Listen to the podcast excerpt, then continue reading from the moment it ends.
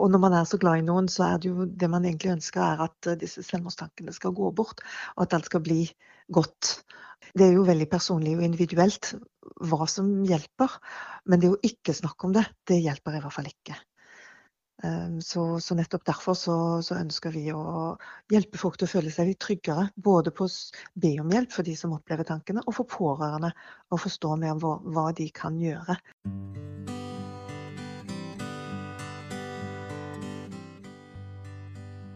Nå har jeg rett og slett ringt til eh, Nina Clark, som driver Elpis, som er selvmordsforebygging.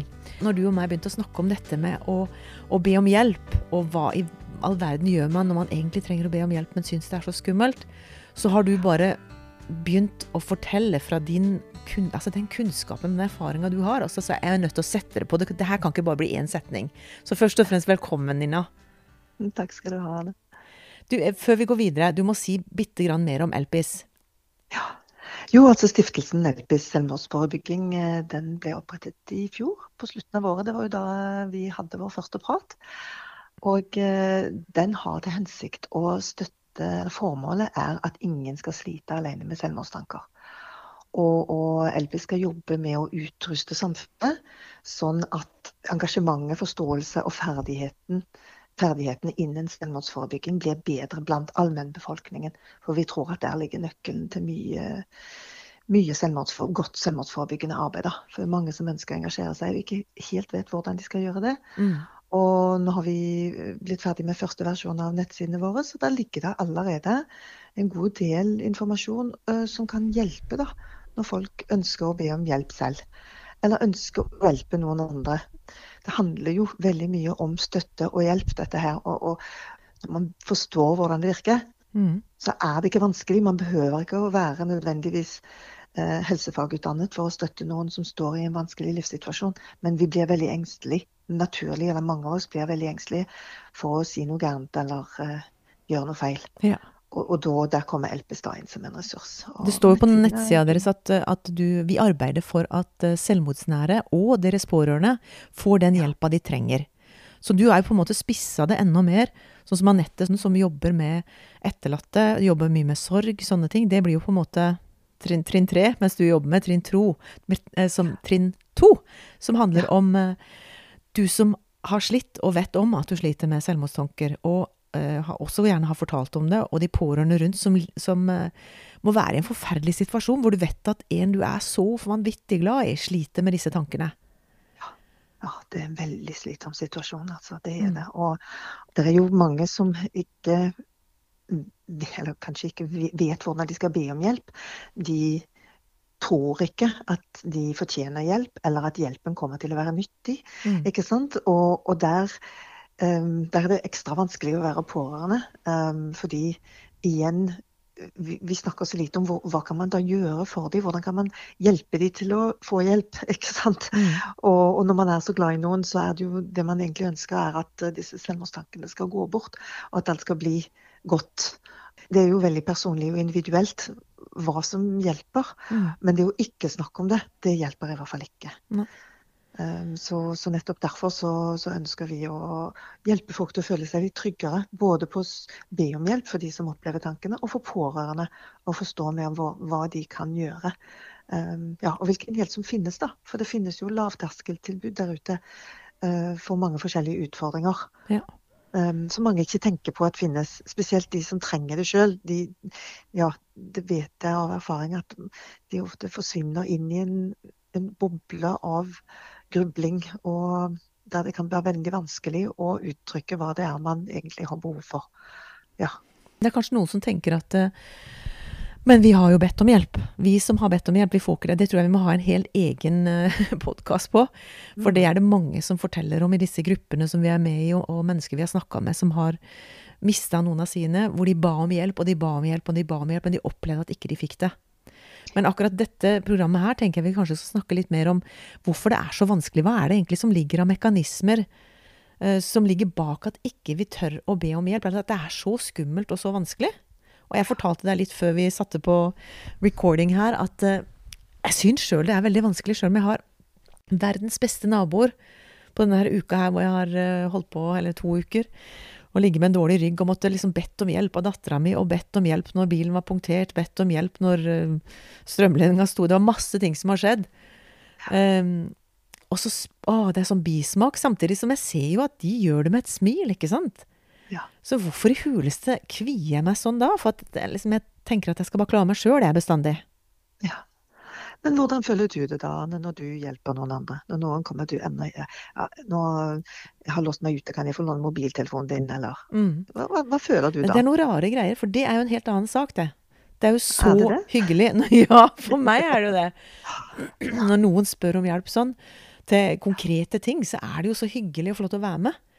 Eller Mm. også når, når noen har et problem, og jeg plutselig har vært igjennom noe av det samme og kan si men du, jeg fikk hjelp her, kan det være noe for deg? Eller jeg fikk uh, ringt til han her. Denne advokaten er god. Eller den, altså hun som er nede på familiekontoret her, hun er helt rå å snakke med. Sånn at de slipper å gå alle de omveiene om en masse ting som ikke virker. Nettopp. Så på en måte så sier du at du har vansker med å be om hjelp, men når andre ber deg om hjelp, så syns du det er veldig hyggelig å kunne støtte dem. Ja, sånn er det. Sånn er det. ikke sant? Så på en måte så kanskje vi burde tenke på det å be om hjelp som å gi andre anledning til å være hjelpsomme. Ja. Ikke sant? Hvis, hvis vi ikke gir dem den anledningen, så får ikke de den gleden de Mm. kan få av å, av å hjelpe andre. Og ja, det er jo Det kan være veldig vanskelig å be om hjelp fordi mange av oss er oppdratt med en sånn holdning som du sier at du selv har til dels. da, At jeg skal klare meg selv, og dette kan da umulig være så vanskelig, og dette skal jeg forsøke på og forsøke på og forsøke på Mm. å fikse selv. Veldig løsningsorienterte. Veldig løsningsorientert. Og spesielt hvis det som er problemet, er litt skambelagt. Å, Mm. nå har jeg dumma meg ut. Og nå har jeg ikke sant, Nå har jeg f.eks. Jeg går gjennom en skilsmisse.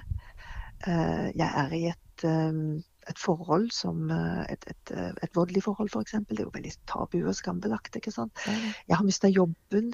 Jeg har et alkoholproblem. Mye av det der er jo, er jo veldig skambelagt. ikke sant? Og da blir det ekstra vanskelig å be om hjelp Mm. både overfor seg selv og innrømme at man har en belastning eh, som man ikke takler. Det er det første steget. Ja. Og det andre steget er da å velge hvem, hvem er det i min omgangskrets som ikke, som ikke kommer til å dømme meg. Og som ikke kommer til å si at 'herregud, for en dust du er'. Mm. ikke sant? Som, som har klart å rote det til så forferdelig for deg selv. Men det vi jo vet, er det at når noen kommer til oss, hvis noen kommer til meg og sier at uh, du, jeg, må, du, jeg trenger hjelp til å komme ut av det forholdet jeg er i, så går jo jeg helt ned på kne og gjør det jeg kan for å støtte vedkommende. Det siste jeg gjør, er å, er å liksom latterliggjøre de fordi Mm. de har det vanskelig. Ja. Det, gjør, det gjør vi jo ikke som mennesker. Vi, vi hjelper altså Det kan jo hende som en sånn fleip at vi sier du, nå har du kjørt deg fast. La, la oss se hvordan, hva vi kan gjøre sammen for å finne en løsning her. ikke sant? Mm. Men vi må jo eh, Vi hjelper jo så godt vi kan hvis vi, hvis vi får høre at noen vi er glad i, har det vanskelig. Men den derre sperra, da, som gjør om det er skam, eller om det er identiteten min, som gjør at det liksom eh, Jeg kan jo ikke spørre om hjelp til det, det er så flaut, og nå kommer jeg som er den som eh, Altså bare ta en sånn, sånn vanskelig ting som gjeld, da. Som jeg tenker kanskje i forhold til den gruppa vi på Selvmordspodden i hvert fall snakker spesielt om.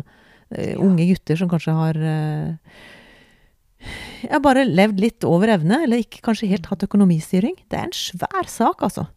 Ja. Det å skulle be om hjelp, eller si fra at dette har jeg faktisk ikke makta. Eller er kanskje enda verre også for godt voksne som har hatt en bra jobb og klart seg. Plutselig så er situasjonen veldig forverra nå pga. det som skjer med korona. Og, Ja.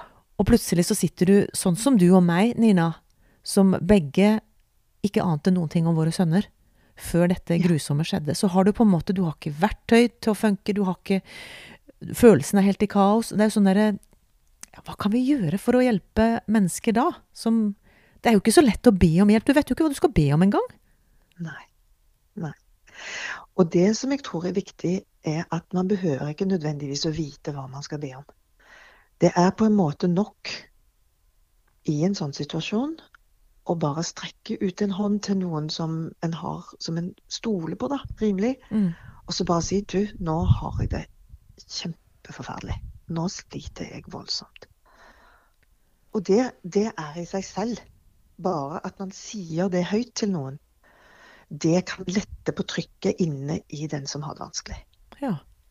Bare få lov å sette ord på at nå har jeg det vanskelig, og så se at den andre, den andre personen ser tilbake på en og tar imot det. Mm.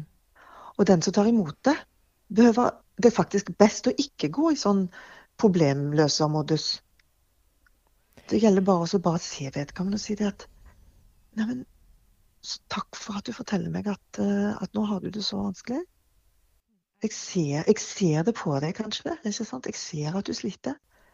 Her må jeg jobbe litt med meg sjøl, Nina, når, når, du sier dette her. For dette, dette, er kanskje også noe som du underviser om når du har uh, Og hva heter det førstehjelpskurset, holdt jeg på å si? Jo, det, det, er et kurs som holdes av Vivat selvmordsforebygging. Vivat? Som, uh, Vivat. Vivat var det, ja. V-i-v-a-t, ja. ja. Mm, Vivat selvmordsforebygging. Av og til så glemmer jeg litt. Ja, ja det, og de er så lett, det er så lett å glemme ting som en ikke driver med til dagligst. Liksom med den kursingen som de har, da, der de rett og slett hjelper folk til å ikke være redd for å ha um, Eller bidra til at man føler seg tryggere da, på å ha vanskelige samtaler. Mm. Spesielt omkring det med selvmord. Men er det det samme som du sier der, at, eh, at man trenger kanskje ikke å si løsninga med en gang, eller nå tar jeg deg i hånda og drar deg med til en eller annen plass, liksom, men at, at, det er en prosess å gå gjennom. At først og fremst så må denne personen bli trygg på at du er en, Ja. en som vil de vel. Ikke nødvendigvis Absolutt. en som bare skal fikse de. Nei. Absolutt 100 Der har du fanget uh, essensen, på en måte. Um, og, og, en del av den lærdommen som, uh, som kursene til Vivat gir. Fordi um, mange av de som har vært i veldig vanskelige situasjoner, sier det at det å få lov å sette ord på ting, og få lov å finne et trygt sted der man bare kan bli sett og hørt og godkjent og ikke dømt. Mm. Fordi det ligger en fordømmelse i det at andre skal fikse en. Mm. En implisitt fordømmelse. Du er ikke bra nok, det er noe gærent med deg, nå skal vi gå og få deg fikset. Ikke sant? Og det er i seg selv ofte svært lite nyttig. Altså Selvsagt hvis det er noen som er i krise, som, er, som har f.eks. gjort noe for å skade seg selv, så må man jo ta de med til, til nødetaten. ikke sant? Mm. Det er en annen sak. Men når noen er i en, i en, på en en slags livskrise som gjør at de har det kjempevanskelig, så er det egentlig det beste de kan gjøre, er også bare strekke ut en hånd til noen og si det at du, dette er alvorlig, jeg har det kjempevanskelig. Ja. Kan du hjelpe meg, sier de kanskje. Men de vet ikke nødvendigvis hva de trenger hjelp med. Men da er det så fint at de bare har sagt det. For bare det at de har sagt det i seg selv, um, betyr at de har håp om at det kan bli en endring. At ting kan bli bedre. Og de gjør det jo ofte um, med tid, fordi livet er ikke fastlåst. ikke sant? Det er en, det høres litt flåst ut, men det er en morgendag, og det er muligheter for å se på ting og tenke på ting sammen. Og når man får snakket om ting, så får man av og til nye perspektiver, ikke sant.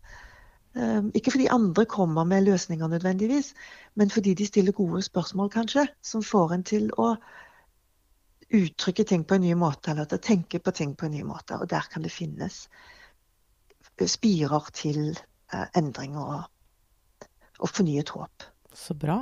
Men nå, nå bor du på Østlandet, Nina. Ja. Når du sier at du skulle ønske altså at de fikk møte en person som kunne um, snakke med dem på denne måten, sånn at de får et nytt perspektiv. Og det er ikke alle Mm. som har det, eller som tør å åpne seg helt nærmest i familien, eller til ektefelle, eller til barna sine, eller hvem det er. Altså, Du har jo noe innenfor din stiftelse, men vet du noe sånn som Nå tenker jeg lokalt, eller om du vet om andre ting som er kanskje ikke litt mer enn bare hjelpetelefonen? Mm. Altså Du sier bare hjelpetelefonen. Det, de Nei, det var, det var teit å si. Er Ja. Jeg mener ikke at det er bare, men altså Ja. Hvis du føler at ikke det er så akutt at du har lyst til å bare ringe, ringe hjelpetelefonen og snakke en halvtime Hvis du tenker at er det noen plass jeg kan gå litt jevnlig, kanskje en gang i uka, kanskje jeg kan møte et menneske som jeg kan prate med?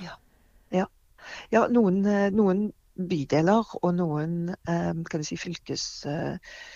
eh, Noen fylker har jo lavterskeltilbud, ikke sant? og jeg er jo stadig mm, på LP nettside og går inn og legger inn nye tilbud.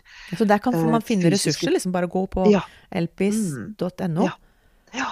Og så klikke på ressurser, og der er det en lang, lang liste. Og det, altså det er jo kanskje litt for langt, det er mye tekst foreløpig. Jeg skulle ønske at jeg var flinkere til å legge ting opp så det var lettere å finne fram.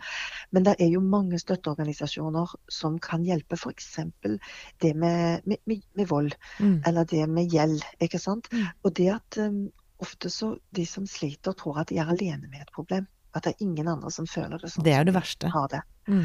Og det er jo forferdelig, ikke sant? for det øker skammen omkring uh, det er meg det er noe gærent med. ikke mm. sant? Men hvis man f.eks. kommer i kontakt gjennom uh, gjennom tilbud fra f.eks. Angstringen, da, eller Bipolarforeningen, eller um, kan du si, organisasjoner for de som sliter med gjeld, uh, Barn av rus for de som har vokst opp i altså Det er jo et, et, så mange organisasjoner ja. som har tilbud der man kan få treffe andre som sliter med samme problematikken. Og Det er ikke nødvendigvis fordi de kan komme med løsninger, men det er fordi det å ikke føle seg alene i en vanskelig situasjon, mm. er veldig, det føles veldig støttende. Ja, fordi De to tinga som går igjen føler jeg, i forhold til selvmordsforebygging, eller i forhold til det som, som, blir for mye for folk, det er jo for det første at de føler seg ensomme. Og det andre at de mister håpet. Så det, det du snakker om nå, er jo noe som Altså, får du kontakt med andre, og noen kan si 'dette her har jeg faktisk gått gjennom', det er helt forferdelig. Det er jo en måte å å komme ut av ensomheten med at jeg er den eneste som ikke makter dette, som ikke mestrer dette her. Og ja. også at eh, Guri, klarte du å komme deg videre ja. fra en så vanskelig situasjon. Kanskje det er håp for meg òg. Og det er jo litt av derfor vi sitter her, Nina. Ja. For å formidle håp. Og du, noe av det du gjør på nettsida di også, må legge ut disse ressursene og tenke at det skal ikke være tusen trinn å gå til for å finne noe som Hvem er det som kan hjelpe? Riktig. Så ja. Det, det, å fysisk møtes, vet du noen som gjør det nå? Eller er alt stengt ned i Oslo-området? Nå er det sånn at de, de fleste som driver med psykisk eh, med lavterskeltilbud, da, de, de, prøver jo å holde åpne og fremdeles gi eh, mennesker anledning til, eh, til, et fysisk møte. Ja. Og det, det, altså det, er klart at Vi prøver jo så godt vi kan å være og oppføre oss på en trygg måte, sånn at vi ikke øker spredningen eh, av viruset i samfunnet. Men samtidig så er det her snakk om mennesker som har det kjempevanskelig. Mm. Og jeg må innrømme at jeg har ikke helt um, sjekket hvilke av disse lavterskeltilbudene, rask psykisk førstehjelp f.eks., som finnes i en del uh, av Oslos bydeler, mm. hvilke av de som fremdeles uh, tilbyr man, man, skulle jo på en måte tro at at de skulle holde åpent. Fordi trenger man sånn rask psykisk førstehjelp fordi man er i en livskrise, så, så trenger man jo det. Uh, det, det må, tilbudet må jo på en måte holdes åpent på tross av av at det er en, en smittevernsituasjon. Jeg husker det at i mars så ble alt stengt ned. Ja. I mars 2020. Eh, da var det sånn at uh, de som allerede var på en måte på behandlingsinstitusjoner, de, de fikk ikke lov å reise hjem. Ikke sant? Det var en del som rømte hjem, eh, fra behandlingssentrene sine. Er det sant? Fordi de ble, de, ja, det var mye panikk. Og det er mennesker som er ganske sårbare, som, som er på sånne behandlingssentre. Og de, en del av de bare rømte. ikke sant? Hoppet på siste buss til hjem fordi de orket ikke tanken på å være borte fra sine nærmeste når det da var en sånn smittesituasjon. Da, for det var jo litt panikk, da. Mm. Uh, men denne, denne, gangen så tror jeg at vi har lært å være mindre sånn uh, dogmatiske på en måte på, på, på smittevernsituasjonen og anerkjenne det at det er mennesker som faktisk uh, trenger hjelp, og de, de, må vi klare å hjelpe. Og, og samtidig være trygge på, på, på, at vi ikke smitter hverandre. Da. Mm. Men det at at du har en hjemmeside, det at det fins ressurser som en kan egentlig uten å ringe til noen fysisk. Det er sånn jeg tenker når jeg har sett Både du og meg har jo sett noen, eller hørt på noen podkaster i det siste. Du har ja. hørt på Guro og Guru. Jeg har ja. hørt på en han, han, eh, han, som har det der The Human Aspect. Jim ja. et eller annet. Jimmy Westerheim. Ja. Ja. Plutselig så, så jeg at han hadde en podkast, og så begynte jeg å høre på det. Og da, vet du, det satte i gang så mye. Jeg lærte så mye av å høre på et par av de episodene. Ja. Um, så det er jo derfor vi er her med denne podkasten. Og derfor vi prøver å få med alle dere som driver med uh, tema selvmord. Og forebygging og på forskjellige måter hjelpe mennesker som sliter med depresjoner eller tunge tanker eller utfordringer i det hele tatt. Så det med en podkast er jo også en mulig måte som man faktisk kan få litt nye tanker om seg sjøl på. Ja. Så da har jeg lyst til å spørre deg, Nina. Hva gjør du når du kjenner at du liksom møter litt veggen, eller uh, har du lett for å spørre om hjelp sjøl? Jeg er så heldig at jeg har mennesker uh, rundt meg um, som jeg snakker med daglig om hvordan jeg har det. Og som jeg vet virkelig lytter og bryr seg. Uh, og, og, av og til bare gir en klem. Mm. Ikke sant? Fordi det, det, kan jo være ganske slitsomt. Av og til så får jeg mye kontakter i løpet av en dag av, av mennesker som jeg kjenner i forskjellig grad og som da trenger hjelp. Nå driver jeg ikke Elpis, en slags hjelpetelefon. Um, men, men, jeg har jo venner, ikke sant? folk som jeg kjenner og har blitt kjent med. Og de, de støtter jeg. Og, og, når man skal støtte veldig mye, så blir man kjempesliten. Mm. Um, men, men, det er på en måte veldig givende, da. Og jeg ville ikke hatt det annerledes, men noen ganger så blir jeg bare kjempesliten. Og da, da sover jeg mye. Da går jeg, gjør et poeng av å gå og legge meg tidlig. Jeg lar være å drikke det rødvinsglasset, for jeg vet at da sover jeg dårligere eh, på kvelden. ikke sant? Eh, og så prøver jeg å sove mye. Så koser jeg mye med hunden min. Og gir han eh, han, er, han, er, jo veldig glad i kos, da. Jeg gir mye tilbake. ikke sant? Og så lytter jeg til, uh, til, ting som jeg vet um, gir meg styrke. Mm. Og det kommer litt an på humøret og dagen og sånn, hva det er. Nå i det siste har det vært mye podkaster, fordi det er veldig mye bra der ute. Ja. Det var noe som jeg det, Jeg hadde jo hørt om podkaster i mange år, jeg har aldri trodd at det skulle være noe for meg. Men uh, nå går jeg nesten rundt med de der ørepluggene i uh, så lenge jeg ikke holder på med noe annet, liksom. Når jeg går mm. tur med hunden, eller når jeg gjør oppvasken, eller ikke sant. Da, da har jeg disse ørepluggene i. Da hører jeg på interessante mennesker som, som gir meg påfyll. Som du sier, de inspirerende. Du lærer ting. Du, du finner ny, nye måter å tenke på din egen situasjon og på andre situasjoner på. Og det er jo Spennende. veldig individuelt hva vi liker og hva vi får energi av. Jeg tror kanskje at vi må kunne si litt sånn generelt at kanskje vi skulle se litt mindre på nyheter, og heller kanskje koble på type podkaster som er Altså, podkast er så genialt fordi at du kan eh, holde på med masse annet samtidig. Og du kan lære noen ting. Du kan bli inspirert. Du kan le. Mm. Noen syns jo det er kjempespennende med sånne krimgreier og sånt ikke sant? At det er mer ja. spennende nesten fordi du kan la din egen fantasi løpe. Du trenger ikke å se det bare i en film. Du får på en måte bare servert eh, ett, eh, en sans av gangen, og så må du sjøl dikte opp resten av det. Så det gir liksom friere tøyler, føler jeg sjøl, til å tenke i min egen situasjon. Sånn som når jeg hører på disse podkastene, tenker jeg åh, det her, dette må vi ta tak i, og det, å gudland, det har ikke jeg tenkt på. Eller som du sa i stad, når jeg satt og sutra litt her fra begynnelsen før vi satte på record, så sa jeg bare liksom der med disse to ukene med vondt i ryggen, og det er jo så uvant meg å skulle ligge stille, og så kommer du med den derre milde stemmen din og sier 'Anne, det er ikke bare at kroppen din prøver å fortelle noen ting', og litt sånn, så har jeg ikke lyst til å høre det, men samtidig så vet jeg at jeg trenger å høre det. At det er ikke alltid at det er bare å Ja, to Paracet og en kjapp tur til, til kiropraktoren, så er du fiks igjen.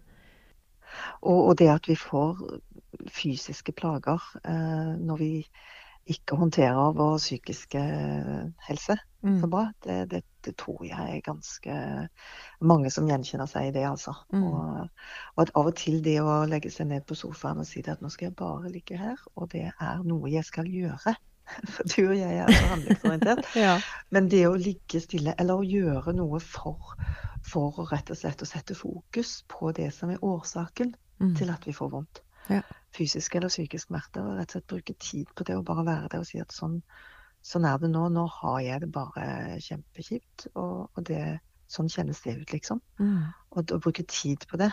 Og så snakket vi også om det med ryggsekken. Um, du har jo hatt en uke, eller to uker tror jeg det der bare balet på seg med små og store liksom stumpesteiner i veien, der du mm. bare har eh, stubbet tåen i skarpe steiner og hatt en stein i skoa mm. hele veien. Du nesten føler at du må bare gå i dekning, for eh, ja. hva, hva, er det neste som rauser nå? Nettopp. Og mm. da brukte jeg bildet om at du, du, har en sekk som du bærer på, og så kommer det steiner oppi den. Og så driver du og bærer, og så tenker du OK, nå er det en stein til. Og, OK, den skal jeg klare å bære. Og så kommer det en stein til. Den, OK, da må jeg bære den òg. Og nå begynner jeg å bli litt lei, for denne sekken begynner å bli ganske tung. Men jeg går jo videre så godt jeg kan. Mm. Og vi har jo alle forskjellige evner til å bære på tunge sekker. ikke sant? Og nå kjenner jeg at du begynner da disse to ukene har gjort at du har begynt å kjenne på at nå begynner sekken å bli sabla tung. ikke sant? Mm. Og, og da må du ta deg tid til å ta av den sekken og jeg deg ned og titter oppi den sekken og så se hva finnes det oppi her. Er det noe her jeg bare kan kvitte meg med og si at det der skal ikke jeg tenke på noe mer? ikke sant? Det er ikke noe jeg kan gjøre noe med. Og den skal jeg bare parkere, den saken der. Den tar jeg ut av sekken.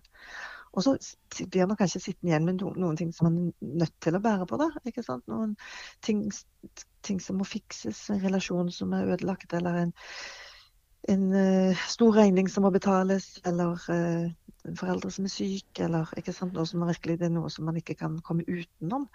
Nå kan man kanskje, Da har man liksom fått orden på hva som er oppi sekken.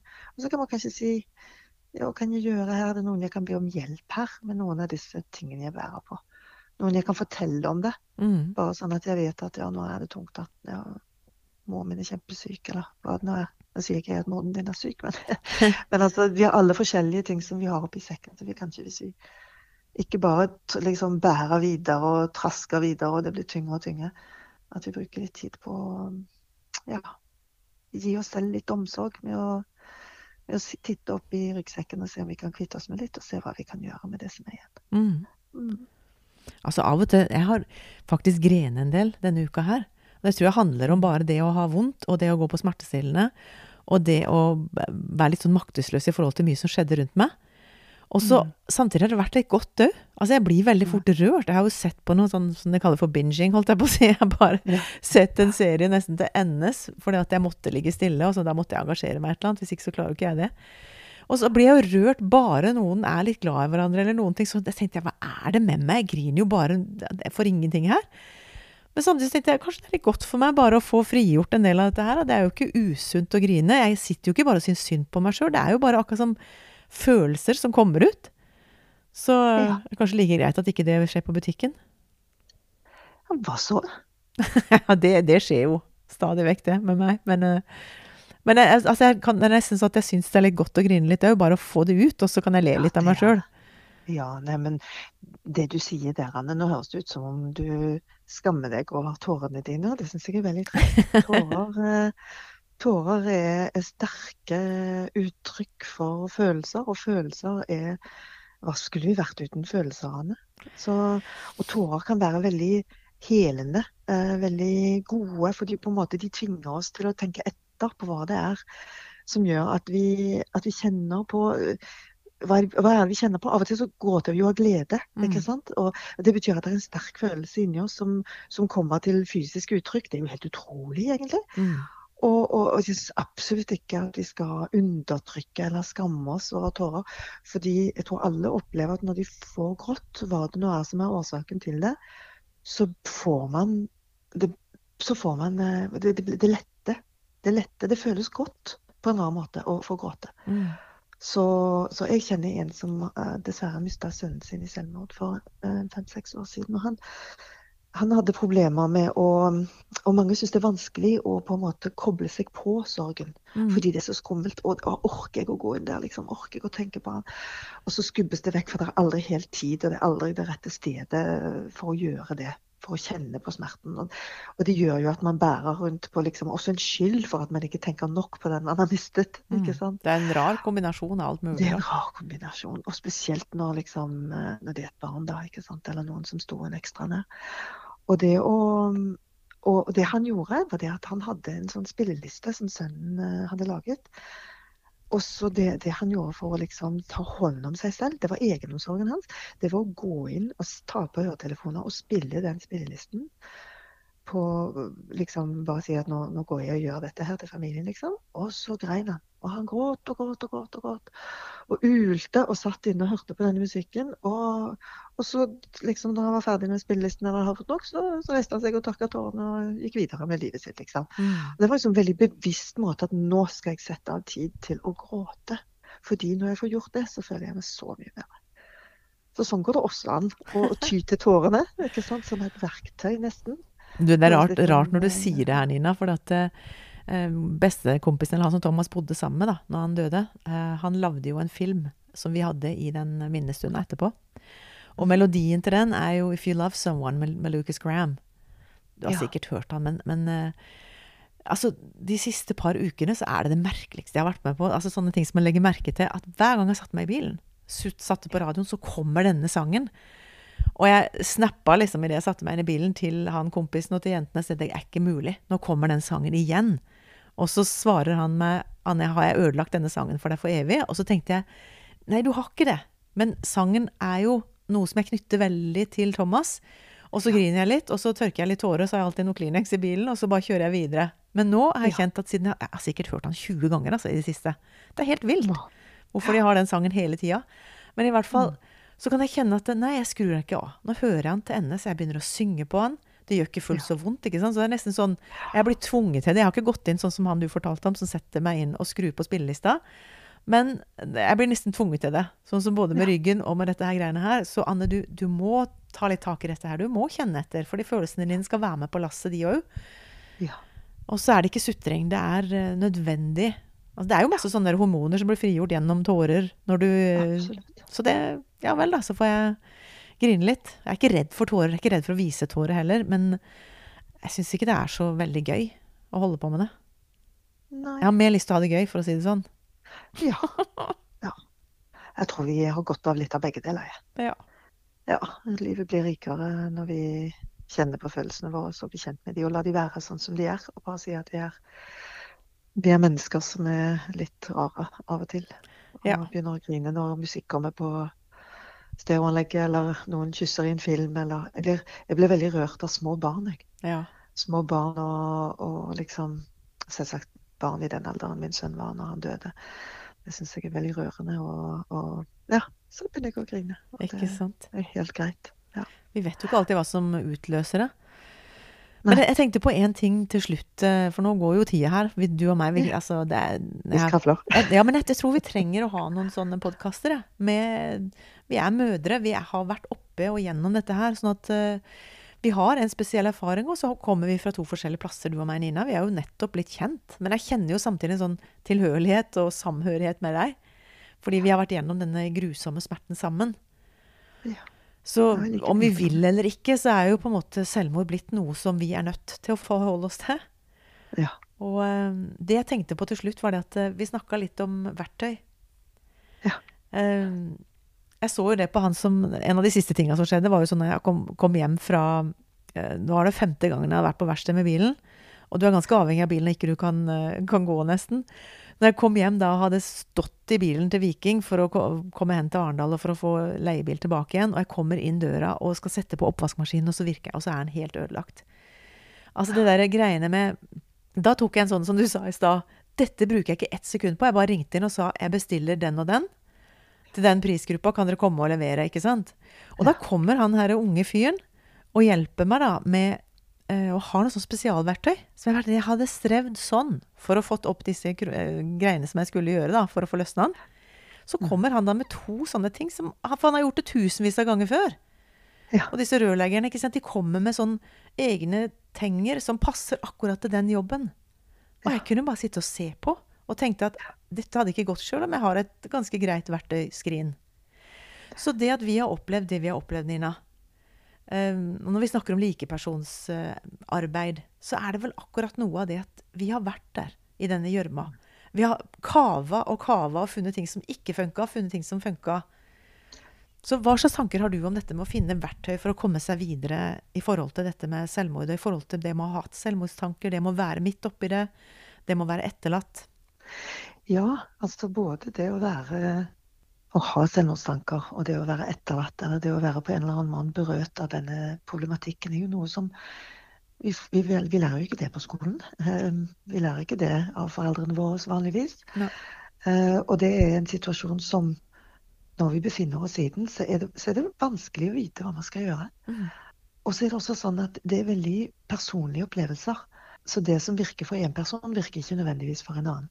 Og, og det med verktøykasse, det er på en måte et begrep som det brukes en del um, Eller jeg bruker det i hvert fall en del når jeg snakker om at jeg har en verktøykasse som jeg bruker når jeg skal hjelpe meg sjøl, eller når jeg skal hjelpe andre. Nå virker jeg veldig sånn løsningsorientert, da. Men, eh, og det skal man jo kanskje ikke være så veldig mye, men at man i hvert fall har ideer om hva, hva er det jeg Hva er det som hjelper meg? Hva er det som er nyttig for meg um, i disse situasjonene? Og at man begynner å bli bevisst hva som hjelper.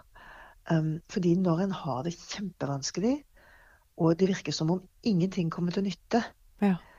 så vet vi jo at Eller jeg har i hvert fall erfart at det å gjøre noe som hjalp før, det gjør ikke nødvendigvis at ting plutselig blir 100% bedre, men det, men det får på en måte Det gjør virkeligheten lettere å være i akkurat nå. Mm. Ikke sant? Så det, det å f.eks. sette seg ned og se en favorittfilm på TV, som en har sett ti ganger før og elsker, ikke sant. Så når en da har det veldig vanskelig, så det å kanskje ta den, de 90 minuttene det tar å se den filmen om igjen, og når en er ferdig med å se den filmen om igjen, så, får, så har en et litt annet bilde i følelseslivet sitt. Stilig. Som kan være litt lettere å takle. Og Mm. det, er- da er den filmen det er med i verktøykassen. Ja. Og, og det samme gjelder um, hva gjør man når man, har, man, er i situasjonen når man ikke har det rette verktøyet? Så vi snakket om rørleggeren som kom inn, og der vips, så var det gjort. Og der har du stått og strevd med feil skrujern? Mm -hmm. I, i timevis. Og plutselig så Og det å være åpen for at vi kan ikke vite alt, verken om oss selv eller om andre. Og at være, være ydmyk overfor oss selv. at vi, vi, har kanskje ikke prøvd alt, men det finnes kanskje noe nytt vi kan prøve der ute. Mm. Noe som vi kan se på, en ny måte å tenke på. Ny, et nytt menneske som vi ikke har truffet ennå. Som vi kan ha en god samtale med. En ny hobby. Jeg vet ikke, Det høres kanskje litt flåsete ut, men det, vi er så forskjellige alle sammen om hva vi opplever som godt. Mm. Og, og, det er så mye ting vi kan prøve. Det er umulig å prøve alt. Altså, det er jo mange ting, bare det at man er sammen. Altså Jeg ser jo disse ja. ungdommene her som holder på å spille bingo, og jeg tenkte bingo, er det noen som holder på med det, liksom? Nei, de samles, akkurat de, den lille cohorten samles og spiller bingo. Dattera mi vant jo forrige uke og alt mulig, så det, Men altså, det, bare det settinga de har der, nå har vi litt godt å spise, og vi koser oss, vi har noe å se fram til. Har, liksom På torsdag er det bingo. Bare, altså, det trenger ikke å være sånn når du snakker om hobby, at du skal begynne med, med Hva heter det for noe, alle disse fine, flotte ja, strikkegrupper, eller makramé, eller hva søren det skal være, eller maler. Kanskje ikke du er flink til noe av det, eller at du ikke du orker det. Men at hovedgreia er om du så skal spille gris på kortspill, så er det bare at du samles, og at du har noe å se fram til. Det var en veldig god idé. Bare et eksempel på ting man kan gjøre for å bøte litt på den ensomhetsfølelsen f.eks. som mange har nå. Det er akkurat det når det er så mange ting som blir skjøtta ned, så tenker jeg er det små ting. Men jeg tenkte også på én ting til til slutt. Eh, nå har jeg sagt til slutt flere ganger her, men jeg klarer ikke å legge på likevel. Eh, dette med praktisk hjelp. Nå har vi snakka om at vi skal ikke være så veldig løsningsfokuserte alltid. Men jeg må jo si, for det første, når han eh, disse folka som monterte oppvaskmaskinen, heldigvis hadde jeg satt av midler som jeg egentlig skulle bruke til noe helt annet, men så ble jo det tilbudet skjøtta ned, så nå hadde jeg mulighet til å kjøpe den tjenesten. Men det var jo mm. samtidig å be om hjelp til noe som jeg kanskje kunne ha fiksa sjøl, eller kjøpt en brukt en, eller hva som helst. Men bare det å få et menneske som sier 'dette fikser vi', ja. vi gjør det ferdig for deg, vi, Anne. Det var noe av det som betydde mest for meg også etter at Thomas døde, hvor, hvor ikke bare folk sier 'du må bare ringe', for da forteller de meg at jeg må gjøre noe. Eller hvis jeg ringer og sier du, jeg har kjempeproblemer med å få skrudd opp den greia der, hva skal jeg gjøre? Og så sier de da må du bare gjøre sånn og sånn, og så må du gjøre sånn. Og så er jeg egentlig så sliten når jeg spør, at det har mm. kosta meg så mye at jeg bare sier tusen takk, da fikser vi det, og så blir det ikke gjort. Mens den personen som ringer på døra, eller sender meg en melding og sier nå har jeg to timer, kan jeg gjøre noe for deg? Kan jeg gå på butikken? Altså den, den derre at hjelp, praktisk hjelp, er noe av det som jeg har opplevd som mest sånn kjærlighet i, rett og slett. Som jeg kunne ta tak i, for da var det ikke en person som er i en sånn krise som vi har vært igjennom. Uansett hva det gjelder. Så er det bare deilig at noen sier Kan jeg få lov til å gjøre akkurat dette for deg? For det hadde gjort meg veldig glad hvis jeg kunne få lov til å jeg, jeg, vet hvor tøft det kan være å gå på butikken akkurat nå. Og nå skal jeg på butikken. Kan ikke du bare altså, si bare hva du trenger liksom, på telefonen, og så, så, hiver jeg det med igjen, og så legger, kommer innom til det med. Altså Noe sånn der praktisk hjelp. Bare vit at det også betyr ekstremt mye. Det er ikke bare å snakke om det.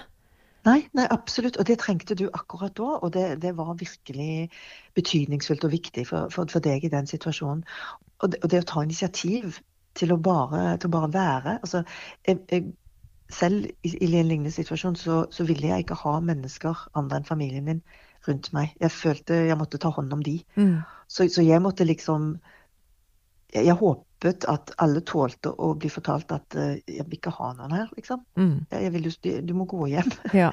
ikke sant? Fordi jeg, jeg orker ikke, jeg, jeg, må ta hånd om familien min. Det var liksom sånn jeg fungerte. Ja. Men vi, dere er vi også så forskjellige, ikke sant. Så, så det, det å, men, men, det å slippe å måtte be om noe, mm. det syns jeg er kjempeviktig. Ja. Det at andre sier du, nå ser det ut som om du har det kjempevanskelig, er det noe jeg kan gjøre akkurat nå? Mm. Har, du lyst, har du lyst til at jeg bare skal være her hos deg? Kanskje.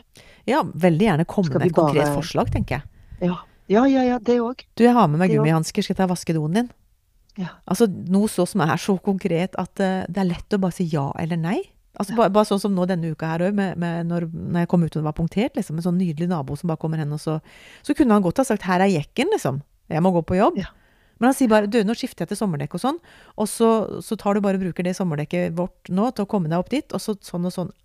Og jeg, bare, jeg har bare lyst til å strigrine, ikke sant? Fordi at det, øh, Så deilig at noen gjør noe praktisk. akkurat nå når enkelte det topper seg litt her. Så det er ikke alltid bare å få en løsning. Og det er sånn det kan virke, tror jeg, kanskje på mange mennesker som, som sliter med noe. Så prøver de å åpne seg, og så får de Ja, men nå må du gjøre sånn. Så må du gå der. Og så nå må du fikse ja. det. I hvert fall eh, gidd å si at vet du, jeg går med deg, jeg. Jeg har fri i morgen, eller jeg kan ta meg fri et par timer, og så, så går du og meg ned der sammen. Ja. ja. Absolutt. ja. Nei, du har så rett. Så det er jo litt det vi også gjør, Nina. Altså du og meg og Nette, Espen, mange av disse her som vi har intervjua, og som jeg har blitt kjent med etterpå at jeg mista Thomas, så tenker jeg jeg tror jeg kunne sagt hva som helst til dere, for det er jo et eller annet eh, godt med at vi har på en måte vist en veldig åpenhet og sårbarhet med det vi står i. Og så ja. vet jeg at dere kan mer enn meg, og at dere kan hjelpe meg, og motsatt, håper jeg. Så det å, ja, det å tørre å be om hjelp, det kan anbefales. Ja. Og så må vi ha av og til litt sånn hjelp til å be om hjelp. Og da tror jeg at din, eh, stiftelsen din er en kjemperessurs. Jeg er veldig spent på å se videre hva som skjer med Elpis. Takk. Det... De som lurer, de, jo, de, vet jo hva du er god for. De hører det. Akkurat som i stad når du begynte å fortelle om en litt sånn ting, så tenkte jeg vi må skru på dette her. Dette er så godt for meg å høre, og dette tror jeg er godt for mange andre å høre.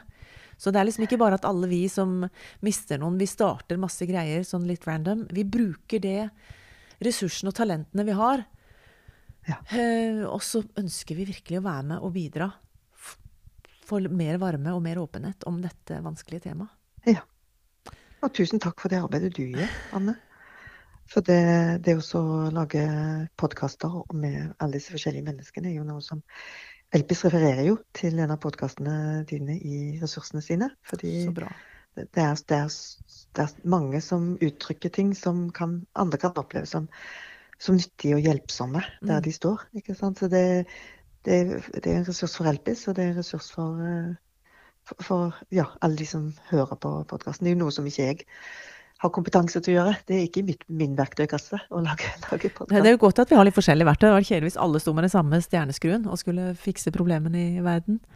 Så det er jo litt å, å, kunne holde opp det verktøyet vi har. Og så, så, er jeg god på å stille spørsmål, kanskje. Og så har du mange gode svar. Det er en god kombinasjon. Men tusen, tusen takk, Nina Clark fra Elpis, som eh, egentlig vi skulle bare snakkes i to minutter. Jeg skulle høre to spørsmål til deg, men det ble fort litt mer, og da må vi lage en egen episode på dette. ja vel. Så lykke til videre med arbeidet ditt. Takk skal du ha. Og du òg, Anne. Ja, må du ha en god dag videre. I like måte. Ha det. ha det godt. Helt til slutt har jeg lyst til å fortelle hvor du kan få hjelp. Kirkens SOS er en døgnåpen krisetelefon. Det samme er Mental Helse. Leve, Landsforeningen for etterlatte ved selvmord. Legevakten 116 117. Kors på halsen, Røde Kors sitt tilbud. Det er en samtaletelefon for barn og unge under 18 år. Og så er det tilbudet som heter Snakk litt mellom Helsesista, Kirkens SOS og Nyby. Helt til slutt har jeg bare lyst til å takke deg for at du har vært med på denne episoden, og ønsker deg alt godt videre.